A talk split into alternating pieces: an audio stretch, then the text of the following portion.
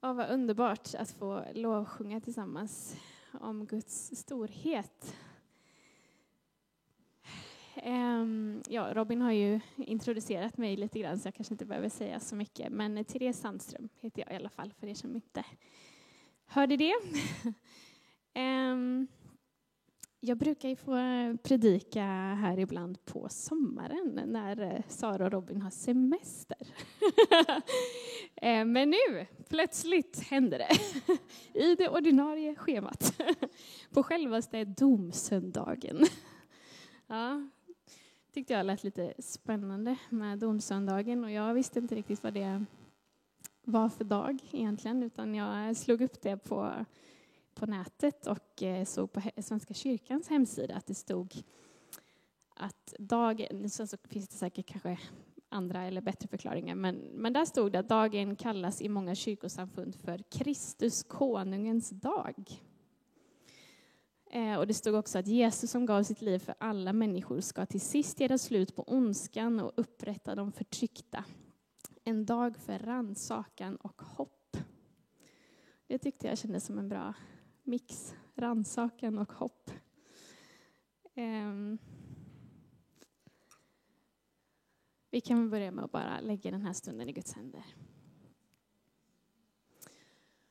Tack Jesus. Tack Jesus för att det här är en dag som också kallas Kristus konungens dag. Tack för att alla dagar är dina dagar och för att vi får fira gudstjänst tillsammans här idag. Tack för att du är här och du har en plan. Och jag ber att du ska tala genom mig idag till din församling. Vi har stor förväntan på vad du vill göra idag. Så um, kom med rannsakan, kom med hopp in i våra liv så vi kan se dig bättre. Och vi lägger den här stunden i dina händer. I Jesu namn. Amen. Jag har döpt min predikan idag till Gud är Gud. Och eh, ni ska få en liten eh, bakgrund till detta. Eh, min pappa är nämligen uppvuxen i Brasilien. Han eh, var missionärsbarn där. Och, eh, så det här med brassar, eller brasilianare, har alltid liksom funnits med under min eh, uppväxt och eh, barndom. Och jag har kommit att lära känna brassar som varma och hjärtliga och man blir liksom familj på en gång. Det är väldigt härligt. Och eh, en av pappas äldsta vänner från Brasilien, han heter José. På svenska kanske vi hade sagt José. Men på portugisiska så säger man José. Så vi håller oss till José. Och han har besökt Sverige många gånger. Han eh, har många svenska vänner. Han jobbade som pastor och han gifte sig med en svenska på ålderns höst till och med. Så han har liksom hört svenskar be vid många olika tillfällen och har väl snappat upp att vi ibland ber gode Gud. Gode Gud. Gode Gud. Och när han skulle liksom be lite på svenska ibland då med sina svenska vänner så försökte han att liksom implementera detta, men det lät mer, istället för gode Gud så lät det mer Gud är Gud, Gud är Gud, Gud är Gud. Och jag tyckte att det där låter som, det låter som att han säger Gud är Gud, Gud är Gud. Och då tänkte jag på det att tänk om vi bad så istället för gode Gud så bad vi Gud är Gud. Det liksom omformar på något vis hela bönen att istället för att gode Gud kan ju bli lite så klago eller orosbetonat kanske. Gode Gud. Istället be Gud är Gud. Det blir mer trosvisst och det blir mer att jag vet vem det är jag ber till. Och jag vet att han är Gud. Så vi ska prata lite om Gud. Om Guds storhet och mäktighet en stund. jag tror att det är viktigt att påminna sig om hur stor, stor vår Gud är. Så vem är han då? Våran Gud. Ett eh, litet exempel hemifrån oss eh, när det gäller vår dotter Estelle som ni kanske såg här i, sitta med mig här längst fram. Vi brukar ibland när det händer saker som kanske gör att hon blir rädd eller så här citera den här lovsången vi brukar sjunga här i kyrkan. Jag är inte rädd för jag vet vem som bor i mig. Och eh, då sa vi det en kväll efter tandborstningen, tror jag det var. Att eh, jag är inte rädd för jag vet vem som bor i mig. Och så la hon till, som i, nästan lite i triumf, den enda guden. Någonting som vi har pratat om efter många läsningar i barnens bibel, just att våran Gud är den enda sanna guden. Typ Balsprofeterna bad till sina låtsasgudar, men Elia bad till våran Gud, den enda sanna guden. Och då tänkte jag att, tänker vi på det när vi ber? Att vi ber till den enda sanna guden. Det är inte småpotatis det. Det är stort. Och det borde ställa alla våra böner i kontrast till det faktum att vi ber till den enda sanna guden, den treenige guden. Fadern, Sonen och den helige Ande. Gud är Gud. Ett exempel på någon som jag tror hade full koll på det här, att Gud är den enda sanna guden, det var David. För när han går emot Goliat, då säger han i Andra Samuelsboken 17, 45 och 46. David svarade filisten, du kommer emot mig med svärd och spjut och kastspjut, men jag kommer emot dig i Herrens Sebaots namn. Han är Gud för Israels här som du har hånat, och Herren ska idag utlämna dig i min hand, och jag ska slå ner dig och ta huvudet från dig. Jag ska idag ge dig de filisteiska krigarnas lik åt himlens fåglar och åt jordens vilda djur. Och hela världen ska förstå att Israel har en Gud. Lite groteskt kanske, men så bombsäkert går han fram och så orubblig i sin övertygelse. David visste i vems namn han gick fram och han visste i vems namn han bad.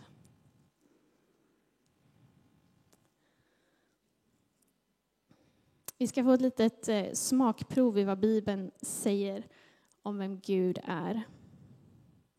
I Hebreerbrevet 12 och 29 står det att han är en förtärande eld. I psalm 116 säger att han är nådig, rättfärdig. Vår Gud är barmhärtig. Psalm 54 säger att han är min hjälpare. Han stödjer min själ. Psalm 47 säger Gud är en kung över folken. Gud sitter på sin heliga tron. Andra Samuelsboken säger att han är mitt starka värn. Han gör min väg fullkomlig.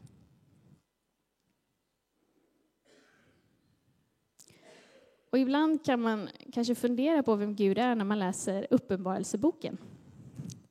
Hur Gud tömmer vredeskålar över jorden och släpper loss alla möjliga plågor. Vad är det för Gud egentligen? Jo, det är en allsmäktig Gud som ska döma världens synd och ogudaktighet en gång för alla. Och varför tar jag upp det? Det kanske är något som skapar oro. Och vissa kanske inte ens läser Uppenbarelseboken för att det är läskigt eller jobbigt eller obegripligt. Men när jag satt och läste, det, läste Uppenbarelseboken nyligen och läste om allt fruktansvärt som ska drabba jorden så i mig skapade det gudsfruktan. Att wow, Gud är verkligen Gud. Och vad är Guds fruktan? Det kan också vara ett sånt där ord som är jobbigt för vissa, men jag tror att det lätt missförstås. Jag tror att Guds fruktan är något väldigt bra, egentligen. Guds fruktan är inte rädsla i att vi ska vara rädda eller skrämda av Gud. Utan gudsfruktan handlar om en vördnad och en värme och respekt för vem Gud är. Gud är Gud och jag är inte det. Han är allsmäktig och han gör vad han vill. Och jag förstår inte allt. Men jag litar på att han vet bäst. För jag har smakat och sett att han är god. Och jag böjer mig under hans mäktiga hand. Det är Guds fruktan. Så ja, Gud ska döma synden av den här världen en dag och mycket ska drabba de ogudaktiga som det står i Bibeln.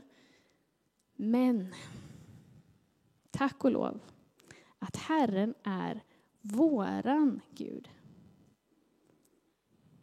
Han är som vi konstaterade förut vår tillflykt, vårt värn, vår hjälpare. Han är på vår sida. Och därför behöver vi inte bli rädda för allt som står i Uppenbarelseboken. För den här allsmäktige, väldige, fruktansvärda, alltså han är värd att frukta, guden vi läser om, han är vår Gud.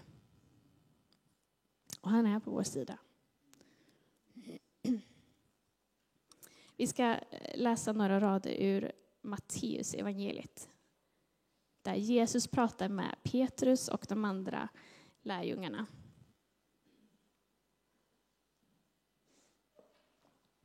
När Jesus kom till trakten av Caesarea Filippi frågade han sina lärjungar Vem säger människorna att Människosonen är?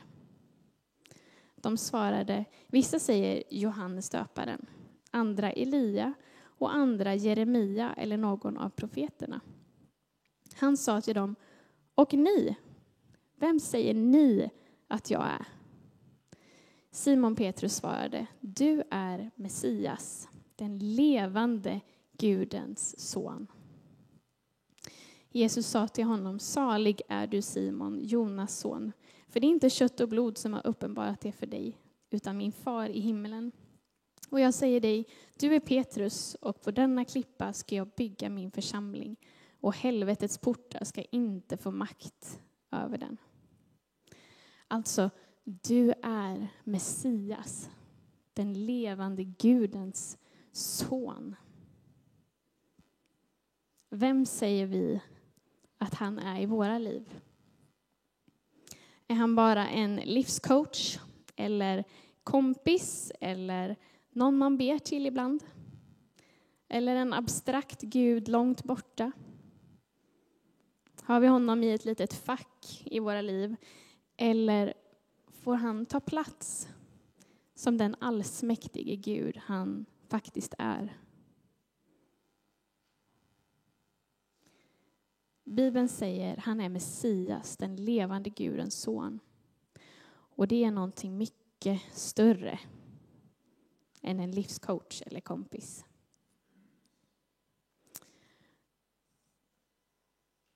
Jag gillar att vara personlig med er när jag får lov att stå så här och prata med er. För jag tycker det är härligt att höra vad, konkret vad Gud gör i människors liv. Det är ofta till sån väldig uppmuntran. Och för ett par veckor sedan så blev jag sjuk och hade förmodligen covid. Och samtidigt så hade jag en inflammation i tandköttet och bihåleinflammation. Det var liksom allt på en gång. Och i samband med det här så översköljdes jag av oro för en massa saker. Och jag brukar inte liksom gå ner mig och bli ynklig och så här när jag är sjuk, men den här gången var det som att fienden utnyttjade läget och eh, bombarderade mig för med oro för en massa saker som, som hände under tiden jag var sjuk. Men så hade jag ju den här predikan i bakhuvudet då och tänkte wow, nu är det dags att praktisera det jag predikar. Och då var det som att jag hörde Jesu röst. Vem säger du att jag är just nu? Och jag fick verkligen påminna mig själv gång på gång att du är Gud. Du är den levande Gudens son. Du är min hjälpare. Och att Gud är större än det jag går igenom. Han är större än min sjukdom och svaghet.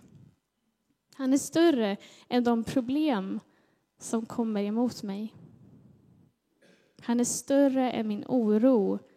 Gud är Gud även nu. Och problemet är att ju mer vi tittar på våra problem, desto mindre blir Gud. Och desto mer vi tittar på oss själva, desto mindre blir Gud. Och därför behöver vi påminna oss om Guds storhet och all makt så att vi ser både världen, oss själva, våra problem och till och med honom med rätt ögon.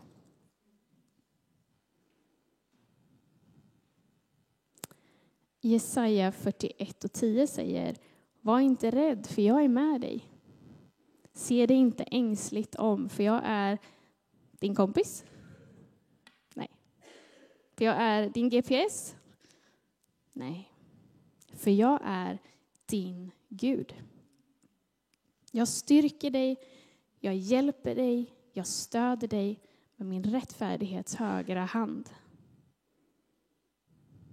Och Gud är inte bara någon gubbe på ett moln eller en abstrakt allsmäktig Gud långt borta.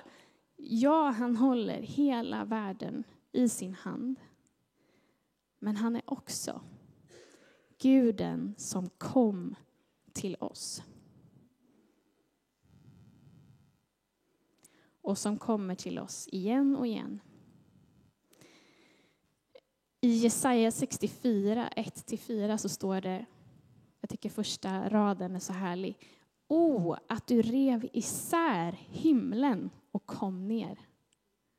Just det där o i början, det är som känsla.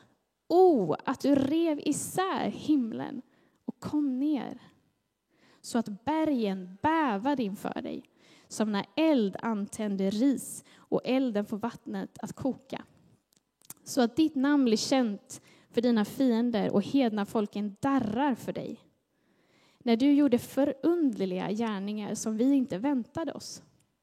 Då kom du ner och bergen bävade inför dig.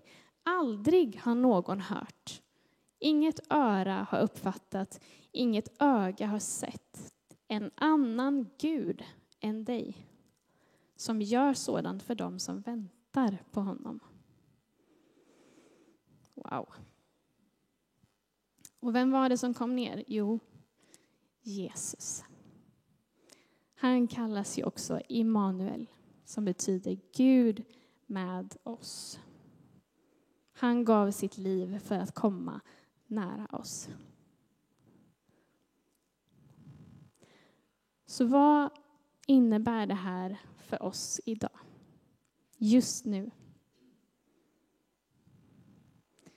Psalm 103, 1-5 ger oss en bra indikation på det. Lova Herren min själ, hela mitt inre, prisa hans heliga namn. Lova Herren min själ och glöm inte allt gott han gör. Han förlåter dig dina synder. Han botar alla dina sjukdomar. Han friköper ditt liv från graven. Han kröner dig med nåd och barmhärtighet och mättar ditt begär med sitt goda så att du blir ung på nytt som en örn. Alltså, han förlåter, han botar, han friköper, han kröner dig och han mättar dig.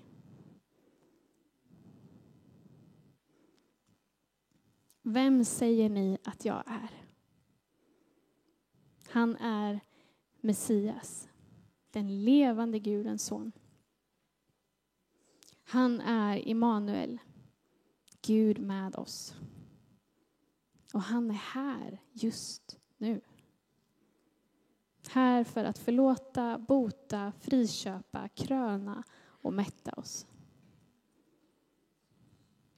Låt honom vara den enda sanna guden i ditt liv. Och påminn dig när oro och problem och allt du inte förstår slår emot dig. Att Gud är Gud. Och han vill ge dig en framtid och ett hopp. Och det hoppet har ett namn. Namnet Jesus. Låt oss be tillsammans. Tack Jesus för att du kom till oss. Du är med oss. Trots att du är Gud, du är stor, du är allsmäktig, så valde du att komma till oss. Tack för att du är här just nu. Du är så nära, närmare än vårt eget andetag. Så jag ber att du ska komma med, med uppenbarelse om vem du är. Och komma med nytt hopp. Komma med ny överlåtelse till att du är den enda sanna guden i våra liv. Och inget annat får ta din plats.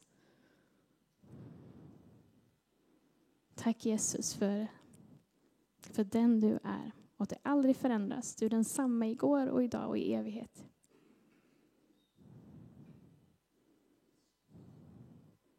Tack för att du är vårt värn och vår tillflykt och vår hjälpare. Amen.